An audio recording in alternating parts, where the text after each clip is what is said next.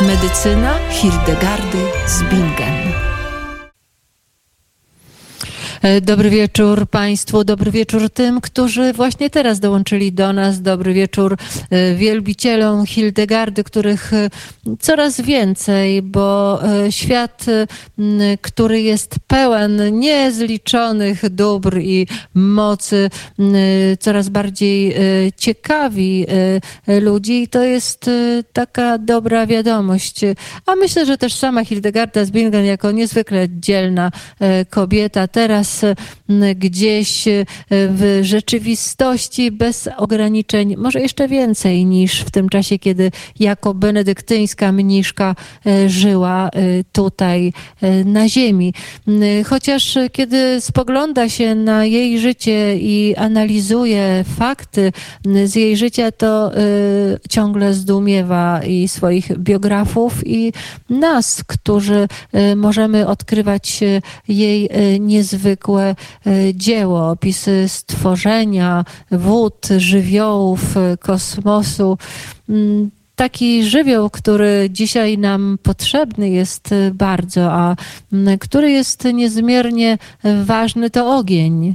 E, ten ogień, którego oby nam nie zabrakło ani e, w sercu, e, ten ogień, który daje energię naszym komórkom, dzięki któremu żyjemy, i ten ogień, który jest pięknym żywiołem, kiedy siądziemy przy nim gdzieś pod gwiazdami i po prostu zapatrzymy się w ogień. Ogień oczyszcza, ogień daje dobrą energię. Powinniśmy gotować nasze potrawy na ogniu, y, no bo tak jest, że jak ugotujemy y, y, coś na starym kaflowym piecu, do którego wkładamy drewniane szczapy i na tym ogniu postawimy jakąś potrawę, to ona smakuje inaczej niż no, niż taka dzisiaj cywilizowana, gotowana gdzieś na jakichś płytach indukcyjnych czy innej elektryczności. Nie tylko z oszczędności dobrze byłoby e, używać dużo ognia. Wczoraj e, miałam taką wielką przyjemność siedzieć z grupą przyjaciół Mm, przy ogniu, y, takim palącym się gdzieś w, w, czarną y, noc. I mm, to daje taki rzeczywiście klimat i taki y, oddech, jakiego dzisiaj cywilizowani, my otoczeni mm, technologią, oplatani różnymi przewodami i i tym, co niewidzialne, promieniowaniem elektromagnetycznym. My jesteśmy tym wszystkim bombardowani, więc dobrze jest się odciąć i usiąść, popatrzeć w ogień. To naprawdę, proszę Państwa, bardzo bardzo dobrze działa. Każdemu tego życzę. E, jeżeli nie możecie rozpalić ogniska albo usiąść przy e, ognisku gdzieś e, w świecie, to świecę zapalić można i, i, i również zapatrzyć się w ten niezwykły płomień. Dlaczego niezwykły? No bo wydaje się, że tak go widzimy i że on jest, ale kiedy zada się pytanie, a, a właściwie jak to jest? Co się tam pali? Co się dzieje? Co to za zjawisko fizyczne? No to myślę, że nie wszyscy byśmy pewnie potrafili e, odpowiedzieć e, dokładnie na, na to pytanie. E, są pewne rzeczy na świecie, które ciągle nas zachwycają, albo przynajmniej powinny nas zachwycać, zadziwiać i takim właśnie zjawiskiem jest ogień. Ogień, czyli ciepło, to jest nam bardzo potrzebne y, dzisiaj, szczególnie teraz, kiedy robi się coraz chłodniej i coraz zimniej i ta harmonia naszego organizmu zostaje trochę zachwiana. Jeszcze się nie przestawiliśmy z letniego ciepła na chłody, a już nagle są 4 stopnie, 3 stopnie ciepła i dużo osób zaczyna chorować, dużo osób zaczyna się prze przeziębiać i to jest, proszę Państwa, naturalne. Ale musimy teraz zrobić coś, żeby ten powrót do harmonii nastąpił, żeby odbudować harmonię naszego organizmu. No i tutaj mądre rady Hildegardy z Bingen. Mamy sporo roślin, e, sporo mieszanek, e, sporo sposobów na to, żeby przywrócić harmonię w organizmie i żeby wejść w jesień i zimę odważnie, dzielnie, nie ulegać wirusom, nie chorować, nie przeziębiać się. E, no, co tutaj jest najważniejsze? Nasze jesienne wina i takie są dwa, wino y, piołunowe i wino pietruszkowe. Y, dobrze znane Hildegardowcom. Y, wino piołunowe, czyli wino gotowane z sokiem z młodych pędów piołunu i odrobiną miodu i wino z pietruszki, wino pietruszkowe, y, w którym y, zieloną natkę pietruszki gotujemy w winie z odrobiną miodu i octu winnego. Te dwa napoje y, są ogromnie ważne jesienią. Wino pietruszkowe likwiduje poczucie chłodu. Jeżeli komuś jest teraz chłodno, a ma wino w domu i ma zieloną natkę pietruszki, to słuchając mnie już y, y, powinien wlać do rondla emaliowanego koniecznie. Pamiętajcie, żeby nie zachodziły niepotrzebne reakcje chemiczne, które nam popsują ten napój. A więc wla, wlać wino, do emaliowanego naczynia, włożyć do niego natkę pietruszki. E, proporcje są e, takie na litr, na butelkę, właściwie całą butelkę wina, wytrawnego zawsze, białego albo czerwonego, duży pęczek natki pietruszki, takie 18 dorodnych gałązek. To jest porcja na całą butelkę wina. Jeżeli chcemy ugotować mniej tego wina, no to oczywiście dzielimy również pietruszkę i do tego trzy łyżki miodu, na koniec łyżka y, octu winnego.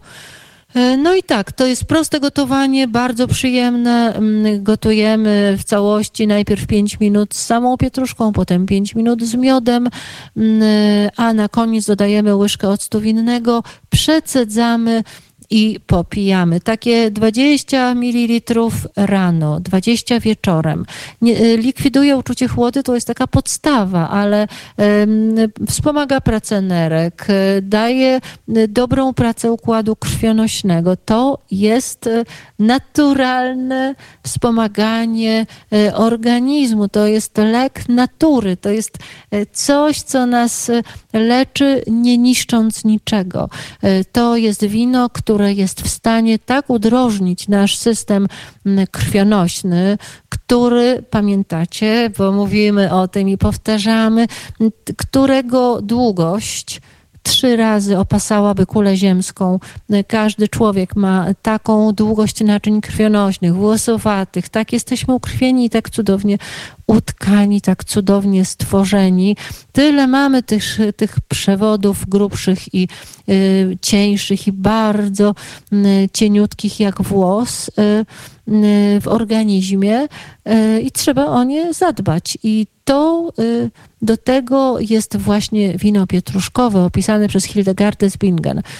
Moc tej natki pietruszki w połączeniu z winem, miodem i octem winnym daje niesamowicie sprawny specyfik, który zdrowo, smacznie, bezpiecznie udrażnia i pomaga naszej, pomaga krwi krążyć, sprawia, że że się dobrze dzieje, że nie jest nam zimno, że nie marzniemy. Jeżeli mamy zmiany miażdżycowe, jeżeli mamy już problemy z układem krążenia, jeżeli mamy coś, co nazywane jest objawem Reyno albo chorobą Reynolda, to wtedy do tego wina pietruszkowego dodajemy dyptam. Dyptam, czyli krzew gorejący. To ta roślina, którą Mojżesz widział na pustyni. To proszę Państwa, tyle na początek, bo wino pietruszkowe jest teraz ogromnie ważne. Wino piołunowe to już hildegardowcy znają, pijemy je od maja do października, tak napisała Hildegarda z Bingen, ale my dzisiaj pijemy to wino piołunowe mm, przez cały okrągły rok, y, y, bo ono jest dostępne i dzięki temu y, możemy z tego dobrodziejstwa korzystać. Co drugi dzień na czczo wypijamy łyk wina z piołunem, no i wtedy jest dobrze w naszym organizmie i wtedy układ odpornościowy jest uzbrojony, wtedy wątroba pracuje dobrze, wtedy ten dobrostan organizmu sprawia, że nie straszne nam są żadne wirusy. No i o to chodzi, żebyśmy się niczego nie bali. E, proszę Państwa, e, za chwilę nasz pierwszy gość, mój i Państwa mm, e, pierwszy gość, bo mówimy o winie, a wino u Hildegardy z Bingen jest bardzo ważnym napojem takim podstawowym napojem, bo Hildegarda właściwie wino każe pić cały rok a latem piwo. Ale oczywiście są to zupełnie inne napoje niż te przemysłowe, które dzisiaj widzimy. Kiedyś w średniowieczu piwo było lekarstwem. E, zupę piwną podawano dzieciom. Piwo nie było wysokoprocentowe, było bardzo cennym napojem, e, zdrowszym czasami niż e, woda.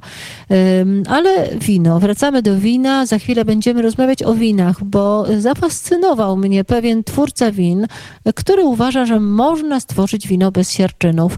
E, za chwilę mam nadzieję, że go gdzieś wyłuskamy z roztocza e, i porozmawiamy e, z nim, to po piosence.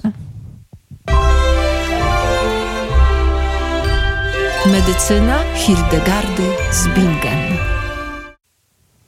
E, wiele hildegardowych specyfików opiera się na winie i dlatego wiele osób e, pyta o dobre wino, z czego ugotować to wino pietruszkowe, z czego zrobić wino z dziewanną, czy e, wino piołunowe. Dobre wino to jest temat. Wino, prawdziwe wino, a nie wino z proszku, bo takie też są, proszę Państwa, niestety. Poszukiwania dobrego wina to tak jak poszukiwania dobrego orkiszu. Trzeba znaleźć znaleźć i wtedy mm, z niego y, korzystać, bo to, co prawdziwe, tylko to, co prawdziwe działa i tylko to, co prawdziwe, y, ten powrót do harmonii naszego organizmu umożliwia. No i wino. Teraz o winie. Y, nasz gość, pan Karol Nizio. Czy jest już pan z nami? Panie Karolu? Dobry wieczór. Dobry wieczór. No to wspaniale. O tej porze już nic się w winnicy nie robi chyba, prawda? A czy nie, o tej porze już jest zazwyczaj dosyć spokojnie. Szczególnie w tym, znaczy może tak, ten okres, który mamy obecnie, czyli okres fermentacji jest dosyć zburzony, natomiast ten e, zazwyczaj niedzielne e, wieczory są już dosyć spokojne. No właśnie, niedzielny wieczór to już jest czas, kiedy mm, e, można odpocząć i dlatego e, my chcemy się dowiedzieć, e, bo są różne zdania podzielone na temat tego, czy można zrobić wino bez siarczynów, czy nie. No i czy te siarczyny są tak bardzo złe, też to jest inny temat. Chyba wszystko zależy od proporcji. Jedno jest pewne, naturalne wino, takie jak być powinno, takie wino pan robi, prawda? Dokładnie. Aż tak, e, koncepcją e, produkcji wina jest e, produkcja niskointerwencyjna, czyli tak naprawdę im mniejsza interwencja człowieka w produkcję wina, tym, tym lepiej. Tak naprawdę można powiedzieć, że produkcja wina to jest, to jest uprawa. To nie jest, to nie jest samo przetwórstwo, tylko to jest tak naprawdę e, można powiedzieć, że 80% czy nawet 90% sukcesu wina to jest, to jest sama uprawa, a nie przetwórstwo, więc jeżeli uda nam się stworzyć tak naprawdę, a raczej we współpracy z naturą stworzyć, e, stworzyć dobry owoc, to jeżeli ten dobry owoc trafi nam do winnicy, to, e, to można powiedzieć, że ilość siarczynów, która jest potrzebna nam do wyprodukowania wina jest e, dosyć mocno spada. E, dobry, tak, dobry znaczy... owoc, tak. Dobry owoc powstaje w dobrym miejscu. To dobre miejsce pana Karola Nizio i rodziny pana Karola to Roztocze. To przepiękny stok. Muszę powiedzieć, że y, no, niezwykły. Stok południowy, nachylony do słońca, y, porośnięty y, przepiękną winnicą, która aż się uginała, aż się uginały gałązki od tych pięknych, wielkich ciemnych gron, bo takie e, właśnie widziałam to pewnie ze dwa tygodnie temu, kiedy, e, kiedy byłam w tym miejscu na Roztoczu. Udają się te piękne wina, które, no te dobre wina, które robi pan Karol, inżynier budownictwa, który postanowił zająć się winnicą i produkowaniem win. Wina, które widziałam, y, no są niesamowite. Wina y, białe, czerwone y, i wino pomarańczowe i wszystko naturalne. Dokładnie. Znaczy, tak naprawdę jako, jako projekt winiarski jesteśmy dosyć, dosyć, dosyć młodym projektem, który zaczął produkcję dopiero 8 lat temu. Natomiast naszym, naszą, naszą wizją tak naprawdę na, na produkcję wina była jest no, stworzenie miejsca, w którym przy współpracy tak naprawdę człowieka z naturą jesteśmy w stanie stworzyć niskointerwencyjne produkty. No i z tego względu, że też nie mieliśmy tak naprawdę możliwości, żeby wcześniejsze pokolenia mogły nam przekazywać wiedzę. Stąd, e, stąd pomysł na to, żeby tak naprawdę zacząć eksperymentować. Zacząć eksperymentować, to znaczy zacząć poznawać winorość, zacząć poznawać procesy fermentacyjne i w ten sposób móc e, tak naprawdę poznawać cały świat winiarski, stąd bardzo szeroka gama produktów, tak jak pani mówi, to są, to są i wina, i wina białe, i wina różowe, wina czerwone, wina pomarańczowe, również no, różne wina musujące, i, i petnaty, i, i metoda klasyczna. No i tak naprawdę obcowanie z, e, czy można powiedzieć, próba znalezienia różnych e, metod produkcji daje nam, daje nam możliwość poznania owocu i poznania naszego, naszego siedliska. Myślę, że to jest takim jednym z celów, które, które nam przyświeca. Zaczęło się od marzeń rodziców pana Karola, którzy przyjechali gdzieś e, w tamte okolice, zobaczyli to miejsce, zobaczyli e, ten stok, zobaczyli to wieś wierzchowiska, wierzchowiska pierwsze czy wierzchowiska drugie to Panie Karolu? Wierzchowiska drugie. Wierzchowiska drugie. Wierzchowiska, tak, wierzchowiska drugie. Zakochali się w tym miejscu i zaczęli tam, i tam przenieśli swoje życie. I dzisiaj państwo Nizio, mama e, produkuje sery, e, tata e, zajmuje się tym, żeby kozy, owce i krowy szczęśliwe były. No a siostra przyjmuje y, przyjezdnych i daje dach nad głową, a pan Karol z, tej, y, z tych winorośli y, no, robi naturalne wino, które, mm, no, które rzeczywiście jest bardzo, bardzo ciekawym produktem. Czy takiego wina, panie Karolu, może pan zrobić dużo tego naturalnego wina? Czy, bo to jest tak bez popędzania, bez przyspieszania, bez no, tej ingerencji, e, o której pan mówił, żeby było jak najmniej tej ingerencji. Czy takiego wina można zrobić dużo? Ile udaje się panu zrobić z tej waszej winnicy?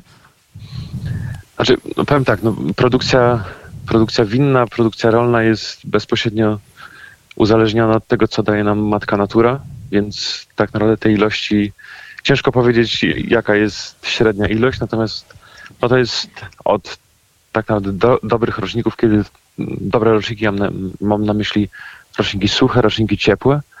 To jest około 15 tysięcy butelek. Po roczniki bardzo ciężkie, e, takie jak na przykład rocznik 2017, kiedy wyprodukowaliśmy tylko 3000 butelek. No to było też podyktowane no, wieloma czynnikami pogodowymi, od czynników e, od przymrozków wiosennych przez czerwcowe grady. Więc e, no, ciężko powiedzieć o średniej produkcji. To jest, e, no to jest to... produkcja uzależniona od wielu czynników.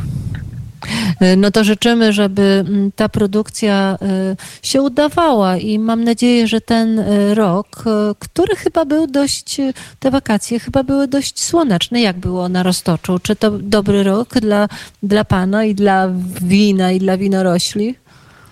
Znaczy ten rok to jest rok, którego moglibyśmy sobie życzyć co roku. No przede wszystkim na bardzo dużą ilość słonecznych dni, która e, no, sprawiła, że dojrzałość owoców jest na bardzo wysokim poziomie.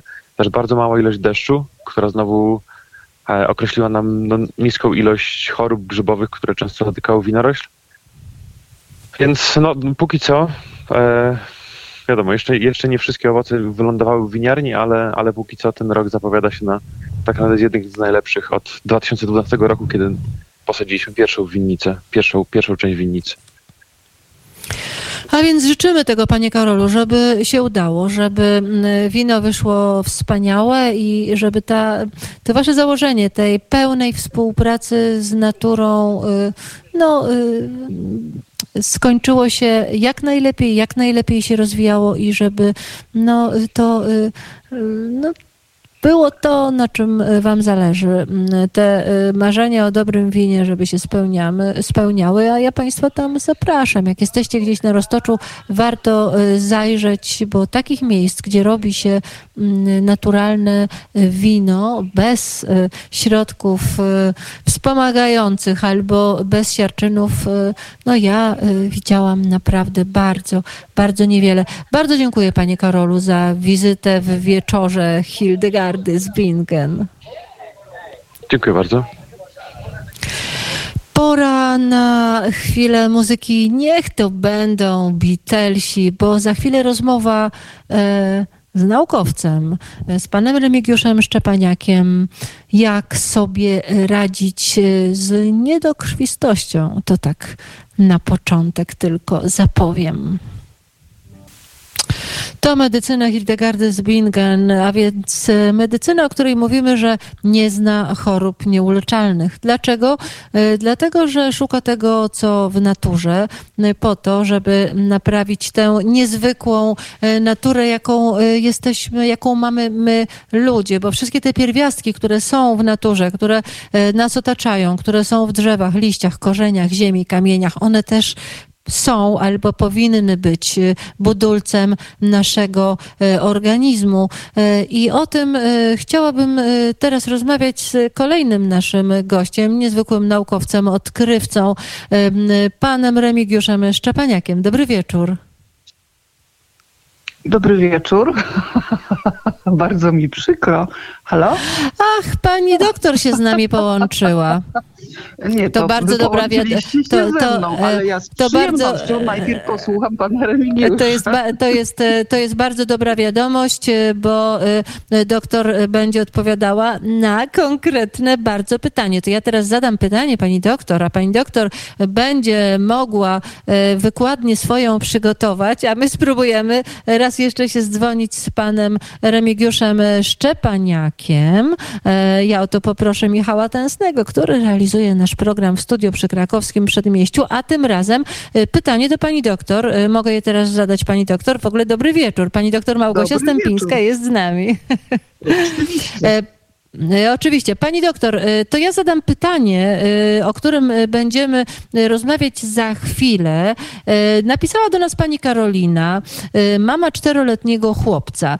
Pani Karolina, zaniepokojona wcześniej i zaalarmowana przez lekarzy, że synek ma bardzo niską odporność, bardzo chciała wspomagać chłopca naturalnymi metodami, a więc skorzystać z tego, co powiedziała Hildegarda Zbingen. I zaczęła podawać chłopcu Y, napój z rzęsy wodnej. I właściwie wszystko było mm, dobrze i dobrze. Ten chłopiec dostawał e, łyżeczkę tego napoju do soczku jabłkowego, e, wypijał e, i pewnie nawet nie bardzo wiedząc, że dostaje tak niezwykły eliksir. No ale teraz wrócił z przedszkola mocno przeziębiony, katar, kaszel. No i pani Karolina napisała pytanie, czy ona może zacząć podawać chłopcu napój z szantą i dziewanną, bo wie, że to bardzo pomaga i czy w tym wypadku ma zrezygnować z podawania rzęsy wodnej, czyli napoju z rzęsy wodnej. Takie jest pytanie. A więc pani doktor, zadaję tobie pytanie. Nie, bo ja bym chciała ten temat rozwinąć za chwilę i podać przepis e, na, ten, na te eliksiry, które nam będą e, potrzebne. Więc pani doktor, teraz przygotuj sobie wykładnię dla pani Karoliny i dla nas wszystkich, a my chwila muzyki i mam nadzieję, że połączymy się e, z panem Remigiuszem, który pewnie czeka na, na kontakt, a potem z panią doktor. Możemy, tak, pani doktor? Możemy, możemy, oczywiście. No bardzo dziękuję, a więc niech gra muzyka. Zapowiadany wcześniej e, pan Remigiusz Szczepaniak, naukowiec, odkrywca wielu e, tajemnic natury i organizmu ludzkiego jest z nami. Dobry wieczór. Dobry wieczór pani redaktor, dobry wieczór państwu. E, dziś pytanie do Pana takie ważne i tak od razu je e, zadam, bo ciekawe też, e, jak możemy się dowiedzieć czegoś, co dotyczy tych mikrotajemnic naszego organizmu, jest to niezwykle cenne. Otóż jedna z naszych hildegardowych przyjaciółek, mama trójki dzieci, przyszła z takim pytaniem i bardzo prosiła, żeby zadać je właśnie Panu. Jak ona, czy może sobie jakoś pomóc. Niedokrwistość, bardzo złe wyniki e, w tej, bardzo złe wyniki e, badań krwi w tym zakresie. E, tak jakby w ogóle jej organizm nie przyswajał żelaza, mimo że robi co trzeba. Nawet jakieś leczenie wcześniej przechodziła chemiczne, stosuje wszystko co naturalne, dobrą dietę i tak dalej i nic. I ciągle, ciągle ma tylko spadki i, no, i lekarze rozkładają składają ręce, mówią, że no właściwie to oni nie wiedzą. E, panie Remigiuszu, e, bo pan wie, że tam coś, czegoś może brakować, jednej małej rzeczy, albo czegoś być za dużo. E, jak to jest w takim przypadku? Pani redaktor, pytanie trudne, ponieważ wiedząc tylko, mhm. że mamie trójki dzieci spada E, żelazo pomimo prawidłowej suplementacji czy leczenia chemicznego. Jeżeli chodzi o niedokrwistość, no dotyczy ona około jednej osoby na 100, na 50, różnie 1-2% Kowalskich e, e, ma problem z niedokrwistością. Natomiast jest to choroba, którą idealnie można wpisać w to, co często omawiamy, że na drodze do zdrowia od wideł do widelca tak naprawdę często chłania, właśnie kłania się ten brak żelaza E, często kłania się ten brak żelaza nie tylko dlatego, że go fizycznie nie spożywamy, tylko fizycznie dlatego, że to żelazo pomimo spożywania nie chce się prawidłowo wchłaniać. I to jest problem złożony, prawda? Bo tak, pomijając oczywiście takie rzeczy jak e, choroby e, nowotworowe, czy genetyczne, czy, czy autoimmunologiczne, które po prostu trzeba diagnozować bardzo indywidualnie, bo każda z nich może wpływać, bezpośrednio wpływać na to, że e, mamy problemy z tą przyswajalnością żelaza, to jednak mimo wszystko e, należy skoncentrować się na e, należy skoncentrować się na e, pierwszej rzeczy, e, czyli takiej, że może występować jakieś krwawienie wewnętrzne, czyli zbadać krew utajoną w kale u tej pani, czy, czy, czy jednak nie ma tam problemu z dzierżczelnością jelit i ta krew cały czas z organizmu w ten czy w inny sposób nam wycieka. Natomiast jeżeli to jeszcze nie zostało, czy to już zostało zbadane, no to musimy skoncentrować się fizycznie nad y, y, samą, jakby to powiedzieć, y, można powiedzieć, korem tej, tej niedokrwistości, czyli problem z przyswajalnością żelaza, prawda? Czyli problem z przyswajalnością żelaza, pomimo że po pierwsze żelaza w diecie może brakować, tak? I to jest fajny taki problem, że, znaczy fajny, no niestety poważny problem, że na dzień dzisiejszy w wyniku mm, polityki rolnej, jaka jest prowadzona na całym świecie, przemysłowej polityki rolnej, tak zwanej NPK, e, doprowadziliśmy do degradacji, szerokiej degradacji gleby, gdzie e, została ona silnie zakwaszona, więc chcąc tą glebę odkwasić, stosuje się po prostu technologię wapnowania i wapnowanie, czyli takie gwałcenie tej gleby w celu zwiększenia pH w kierunku obojętnego czy wręcz alkalicznego, powoduje bardzo często, że duża obecność wapnia uniemożliwia wchłanianie żelaza przez rośliny. Pomimo, że to żelazo jest, występuje w tej glebie, rośliny nie mogą E, nie mogą tego żelaza e, zaabsorbować, no tym samym nie, nie będziemy później mieli tego my, bez względu na to, czy jemy te rośliny, które rosną na tej glebie, czy jemy zwierzęta, które wcześniej zjadły te rośliny, prawda? Więc pierwszą rzeczą to jest faktycznie brak żelaza w diecie, e, w tym, co spożywamy. Czyli jesteśmy niedożywieni, to jest właśnie świetna definicja, pani redaktor, tego, że pomimo, że zjedliśmy prawidłową liczbę kalorii, nasz organizm jest niedożywiony, bo nie otrzymał żelaza. Rośliny też to odczuwają i na przykład chloroza, taka e, dość popularna choroba polegająca na żółknięciu liści, bardzo często jest spowodowana tym, chyba w 40 czy w 50% przypadków, tak z głowy nie pamiętam, właśnie, że e, w glebie nie ma żelaza lub żelazo jest nieprzyswajalne. Ale no do brzegu, jak to się mówi, jeżeli już wykluczymy to, że jednak my to żelazo spożywamy, no to warto by się było zastanowić, e, jakie my to żelazo spożywamy, tak? Czy jest to żelazo na poziomie zero, czyli metaliczne, czy jest to żelazo dwuwartościowe, czy trzywartościowe, ponieważ e, każde z nich wchłania się inaczej i każdy, każdy rodzaj tego żelaza, pomimo spożycia, może wcale nie być przez nasz organizm przyjmowany. Tak? Więc to jest kolejna rzecz. Następną rzeczą, jeżeli już mówimy o niedokrwistości, czyli o kiepskiej hemoglobinie, jest pytanie, czy my tego żelaza nie jesteśmy w stanie skumulować, czy to żelazo kumuluje nam się e, z okładką, tak? Czyli na przykład mamy problem z tak zwaną żelazicą, gdzie e, do dzisiaj pomimo postępu medycyny, to od czasów antyku jedyną znaną metodą na żelazicę jest upuszczanie krwi, ponieważ nie radzimy sobie w inny sposób. I, i, I tutaj właśnie, e, tutaj właśnie pani redaktor, e, trzeba określić, jaki poziom ta pani ma żelaza wyjściowy. Czy żelazo jest na niskim poziomie, czy żelazo jest na wysokim poziomie. Bo jeżeli żelazo jest na prawidłowym poziomie, e, to postępujemy inaczej. Jeżeli natomiast mamy problem z kumulacją żelaza, to, to jest, nie jest to potwierdzone w badaniach. Może kiedyś, jak starczy zdrowia, czasu i pieniędzy, to takie badania przeprowadzimy. Natomiast badania obserwacyjne, które na dzień dzisiejszy wykonaliśmy, stwierdzają jednoznacznie, że e, suplementacja krzemem zwiększa przyswajalność żelaza. Więc jeżeli spojrzymy na parametry, e, które należy badać przy, przy e, właśnie niedokrwistości, czyli ja to zawsze powtarzam, to jest pięć parametrów, to jest żelazo, ferrytyna, transferyna, e, hemoglobina i krew utajona w kale, prawda? Jeżeli e, prawda, żelazo mamy na niskim poziomie, to suplementacja krzemem najczęściej rozwiązuje problem i następuje załadowanie organizmu prawidłowym poziomem żelaza. Oczywiście, jeżeli to żelazo mamy w diecie, prawda? Czyli jeżeli jest to dieta u osób jedzących normalnie, no to najczęściej mięso, czy, czy przede wszystkim jajka tutaj są wysoce wskazane. Natomiast jeżeli jest to dieta wegańska czy wegetariańska, no to sprawa jest bardziej skomplikowana, bo nie znam się na tej diecie, natomiast na pewno należy szukać takich roślin, które odpowiedni poziom tego żelaza przyswojonego mają.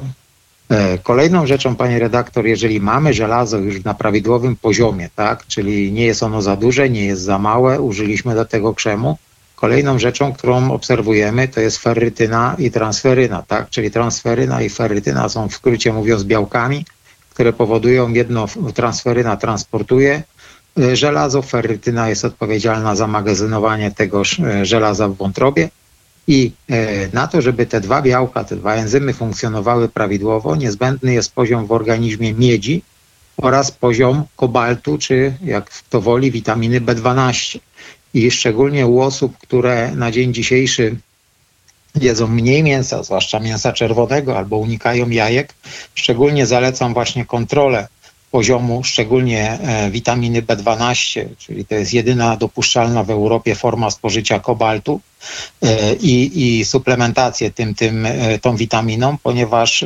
właśnie brak witaminy B12 będzie bezpośrednio odpowiedzialny za to, że poziom ferrytyny czy transferyny może być niski, więc pomimo prawidłowego poziomu żelaza hemoglobina nadal będzie na lichym poziomie, prawda, u nas. E, no i ja tutaj wejdę w słowo na chwileczkę, wejdę w słowo na chwileczkę, bo y, wspominał Pan o roślinach zawierających żelazo, które powinny być w naszej diecie, więc my tu jesteśmy od Hildegardy z Bingen z roślinami z życi bardzo. Y, to ja tylko rzucę Państwu te rośliny, które zawierają dużo żelaza, one często są na naszej antenie, bo o nich mówimy, ale dzisiaj już wspominałam o natce e, pietruszki. To jest bardzo dużo żelaza. Fasole białe, buraki, papryki, różne zielone warzywa. Owoce to morele, e, jagody czy jabłka. E, to są rośliny, które zawierają żelazo i które powinny być w naszej diecie. Oczywiście jarmuż, oczywiście szpinak, a więc tych roślin, które zawierają żelazo jest sporo. To nie znaczy, że wszystkie naraz trzeba zjadać, ale powinny być w diecie osoby, która chce odbudować y, poziom żelaza w organizmie. Y, panie Remigiuszu, y, to wszystko są ogromne tajemnice naszego organizmu, które Pan tutaj odkrywa. My zagłębiamy się w świat, który jest no, niesamowitą konstrukcją, ale pytanie jest takie bardzo konkretne. Krzem, mówił Pan o krzemie, żeby go stosować. Jak stosować ten krzem? Ile krzemu w przypadku osoby, która ma problem z tą niedokrwistością i czy to brać przed jedzeniem, po jedzeniu, czy rano, czy wieczorem, bo to jest pytanie, które również jest zadane nam. Pani redaktor, więc tak, y, może co, jeżeli już pani weszła w świat roślinek, to ja tylko dodam, że mm, na dzień dzisiejszy oczywiście te rośliny, które pani wymieniła, są kapitalnym źródłem żelaza. Natomiast y, proszę pamiętać, że one muszą mieć przede wszystkim dostęp do dobrze przyswajalnego żelaza w glebie. Więc y, my w tym momencie kończymy już eksperyment i wprowadzimy niedługo na rynek y, trzy, znaczy, przepraszam, nawozy czy, czy biostymulatory wzrostu, które stymulator, biostymulator, bo one są już zarejestrowane ministerialnie, które na dzień dzisiejszy będą pozwalały na E, nie tylko zwiększenie poziomu krzemu ale w glebie, ale także przede wszystkim na poprawę przyswajalności żelaza przez rośliny, prawda? Bo podkreślę, jeżeli gleba została wapnowana, to nie tylko żelazo będzie nieprzyswajalne, ale także krzem obecny w glebie zamieni się w formę po prostu krzemianu wapnia, który jest absolutnie nierozpuszczalny, absolutnie nieprzyswajalny i e, wtedy ta roślina cierpi podwójnie, bo nie tylko nie ma krzemu, ale również nie ma możliwości wchłonięcia E, właśnie żelaza, o którym mówiliśmy. Ale odpowiadając na pytanie, e, to o którym pani powiedziała, e, tu są bardzo różne przypadki to również trzeba traktować indywidualnie. Natomiast spożycie krzemu na poziomie od 20 do 50 mg dziennie najczęściej rozwiązywało problem braku wchłanialności żelaza w organizmie w sposób wystarczający. I to było tak naprawdę, to było tak naprawdę w 100% załatwiające sprawę, ale tak jak powiedziałem, przypadki były różne, bo na przykład inaczej były, e, reagowały osoby, które miały za sobą choroby autoimmunologiczne bezpośrednio związane e, z właśnie ścieknącym czy nieszczelnym jelitem, więc jeżeli stwierdzaliśmy, prawda, że ta osoba miała e, ta osoba miała właśnie najczęściej typu choroby typu Hashimoto, RZS, bielactwo nabyte, etc., więc najczęściej pierwszą rzeczą była, pojawiała się krew utajona w kale. No i problemem było oczywiście przede wszystkim usunąć przyczynę, a skutek był, a, a, a, a skutek to była drugą, jakby to powiedzieć, e, rzeczą. I tutaj najczęściej suplementacja, tak jak mówię, na poziomie 20-50 mg dziennie przez około 3-4 miesiące zamykała temat. Najczęściej i jelito uszczelniało się, ponieważ tkanka kolagenowa E, regenerowała Uszczelnia, się. tak, tkankę tak. jelita. E, tak, e, panie Remigiuszu, ponieważ musimy już kończyć, to jeszcze jedno bardzo konkretne pytanie.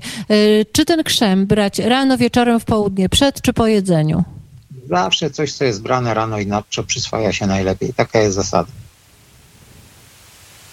rano i na. I to jest e, taka odpowiedź, a więc e, dla owej mamy, która czekała na odpowiedź, e, poszły w świat bardzo ciekawe, mm, ciekawy przekaz. Bardzo dziękuję panie Remigiuszu i życzę powodzenia w waszych działaniach naukowych. Serdecznie dziękuję pani redaktor, dziękuję państwu i w razie jakichkolwiek problemów służę wiedzą i pomocą. Będziemy się zgłaszać. Do, dobrej nocy, bardzo dziękuję. E, drodzy Państwo, e, to bardzo ciekawe wiadomości od naszego gościa, pana Remigiusza Szczepaniaka. A teraz e, chwila z Beatlesami i pani doktor, która już wykładnie z, z całą pewnością przygotowała. Pani doktor Małgosia Stępińska, tak rock'n'rollowo weszliśmy w Hildegardowy temat. Dobry wieczór. Pani doktor, y, pytanie padło y, i proszę powiedzieć, czy te napoje ze sobą kolidują, czy mama ma podawać jednocześnie? Przypominam Państwu, pani Karolina, dziecko 4 lata, dostaje napój z rzęsy wodnej w soczku jabłkowym i teraz jest pytanie, czy może jeszcze w związku z katarem i kaszlem y, dostawać napój z dziewanną? Odpowiada pani doktor Małgosia Stępińska. Można je oczywiście połączyć ale jeżeli dziecko pije już długo ten napój y, z rzęsy wodnej, to można zrobić tak kilka dni przerwy. My lubimy, nasze ciała lubią zmiany, lubią bodźce y, nowe. W związku z tym, jeżeli to jest od kilku miesięcy już napój z rzęsy wodnej, to można go przerwać na powiedzmy 10 dni, 2 tygodnie i w tym czasie podawać dziecku napój z szantą i dziewanną który naprawdę się bardzo dobrze sprawdza. Ja mam w tym tygodniu mam takie doświadczenie, mam taką dwójkę pacjentów, mamę i dziecko, którzy są ciągle chorzy no i, i ta, te, te, ich infekcje wyglądają tak samo. Ja w akcie desperacji yy, ostatnio jak przyszli z kolejnymi tymi samymi objawami, dolegliwościami, pomyślałam, że stoję pod ścianą i żeby, żeby sobie ugotowali napój z szantą i zdziewaną. Na dzień później matka do mnie zadzwoniła i powiedziała, że to jest absolutna rewelacja i że zdecydowanie poprawiła się ich sytuacja. Mm, także tak, można łączyć te napoje. Jeżeli nie ma takiej, znaczy, można łączyć, można nie łączyć. Y, w związku z tym to jest pełna dowolność, tak? Y, jeżeli jest infekcja, to pijąc napój, z rzęsy wodnej te dwa razy dziennie, rano i wieczorem można dołączyć do tego napój z rzęsy, napój z szantą i z dziewanną. I to jest bardzo dobra wiadomość i to jest rewelacyjny napój e, na, e, na teraz, na ten czas jesienny. Ale ponieważ jeszcze mam e, dla Państwa dwa ogłoszenia, to przepis na napój, chociaż podawałyśmy już z Panią doktor wiele razy na antenie, chociaż nam się wydaje, że wiele. Jak powiemy raz na trzy miesiące, to nam się wydaje, że to jest wiele. A, a pewnie wiosną ostatnio podawałyśmy przepisy na napój, Pani doktor. Tak mi się chyba wydaje. Ale jakie ogłoszenia? To z panią doktor będziemy we Wrocławiu. Zapraszamy wszystkich, którzy we Wrocławiu i e, w, e, e, Wrocław i okolice, bo no taki czas jest, proszę państwa, że, że znajdziemy się we Wrocławiu. Tam to będzie sobota, wykład, wykład Hildegardowy, wykład o medycynie, która wspomaga, siła natury, która wspomaga naszą od odporność to wykład sobotni, e, którego będą mogli posłuchać wszyscy, którzy e, przyjdą. A e, gdzie to się będzie odbywało? Parafia Świętej Rodziny, ulica Monte Cassino 68, Wrocław. Tam duża sala, ponad 100 osób się zmieści, a pani doktor Małgosia Stępińska, która będzie tam, będziemy tam razem. Pani doktor będzie również indywidualnie trochę czasu będzie mogła poświęcić na indywidualne spotkania mm, y, z y, tymi osobami, które będą chciały właśnie się do pani doktor y, zgłosić. A więc Wrocław, parafia Świętej Rodziny, ulica Monte Cassino 68, sala w domu parafialnym. Tam będzie Hildegarda przez całą sobotę od 9 rano do późnego y, popołudnia. I to takie ogłoszenie dla wszystkich, którzy y, z, z Wrocławia i okolic. My będziemy i Państwa zapraszamy, prawda, Pani doktor? Bardzo serdecznie zapraszamy.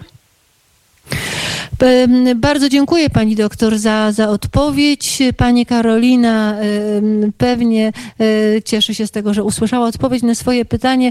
Pani doktor, życzę tobie bardzo, bardzo dobrej e, nocy. Spotkamy się e, we Wrocławiu. We Wrocławiu się spotkamy. Ja też życzę wszystkim bardzo dobrej nocy i kolejnych nocy też bardzo dobrych. tak, i tak sen to ważna sprawa, ale ja mam jeszcze jedno zaproszenie e, dla Państwa. Otóż targi książki e, się zaczynają w Arkadach Kubickiego, Zamek Królewski, Warszawa. Arkady Kubickiego i ogrody zamkowe, tam, tam książki, bardzo e, dużo dobrych książek, setki, a nawet tysiące, a będę też ja. Zapraszam Państwa na stoisko wydawnictwa Bernardinum. Tam będę podpisywać książki w następnym następną niedzielę od godziny 12. A dla szczęśliwców, którzy przyjdą na hasło wnet, będą nawet ciasteczka na inteligencję. Tak, proszę Państwa, tak się będzie działo na targach. E, będę częstować inteligentnymi ciasteczkami i podpisywać e, książki. Zachęcam. Targi zaczynają się w czwartek. Każdego dnia warto tam zajrzeć, a w niedzielę od 12 zapraszam na stoisko wydawnictwa Bernardinum. No i teraz szybkim krokiem przepis podaję. Butelka wina, e, proszę Państwa, bo wino u Hildegardy być musi, a więc mamy to wino wytrawne, białe albo czerwone i potrzebujemy szantę, dziewanne, owoc kopru włoskiego e, i koperek ogrodowy taki drobny, który dodajemy do warzyw, do ziemniaków. I teraz co robimy? E, łączymy te, trzy, te cztery rośliny, a więc mamy 30 gramów dziewanny, 30 gramów ziela kopru włoskiego, 30 gramów kopru ogrodowego i 20 gramów szanty, zdecydowanie mniej szanty, bo to gorzka jest y, roślina. Y, mieszamy to wszystko i trzy łyżki tej mieszaniny wsypujemy do zimnego wina. Wino zagotowujemy, gotujemy trzy minuty, później zostawiamy, ja zawsze zostawiam, żeby ono tak troszeczkę jeszcze y, naciągnęło, cała ta mieszanina. Później przecedzamy, pijemy zawsze ciepłe, a gotujemy 3-4 minuty. Alkoholu tam już jest niewiele i tak właśnie ma być. Wypijamy na początek 30 ml, później y, co 3 godziny, jeżeli mamy temperaturę, jeżeli mamy kaszel, jeżeli y, źle się czujemy, dreszcze, zimno, typowe grypowe objawy, to jest niezwykłe wino z szantą i dziewanną, które teraz trzeba sobie gotować jak jest potrzeba. A jedno jest pewne, trzeba zgromadzić te rośliny. Szantę, dziewanne, nasiona kopru włoskiego i suszony koperek ogrodowy i trzymać w dużej torbie papierowej gdzieś w jakiejś zacisznej komodzie czy e, szufladzie w kredensie, a jak potrzeba trzy łyżki mieszaniny do wina i zagotować. Takie przyjemne, naturalne, hildegardowe lekarstwa e, mamy pod ręką. E, to jest dla nas to, co najlepsze i to, co wspomaga naszą odporność to, co pomaga nam wrócić do sił i to, co sprawia, że harmonia naszego y, organizmu powraca. Zdrowiejemy, czujemy się dobrze i możemy świat zmieniać na lepszy, bo po to mamy się właśnie czuć dobrze. E, to tyle na dziś. Bardzo dziękuję. Zapraszam jutro na Ukryte Skarby. 10.30 będzie bardzo, bardzo ciekawie. Będziemy w Kazimierzu nad Wisłą. Będzie o Łukaszowcach, o niesamowitych dziełach, e, które zostały przywiezione, wróciły do Polski po wielu, wielu latach. To jutro, 10.30, a dzisiaj życzę już dobrych, bardzo dobrych snów. Dziękuję Michałowi Tęsnemu, który realizował nasz program w studio przy krakowskim przedmieściu. Do usłyszenia.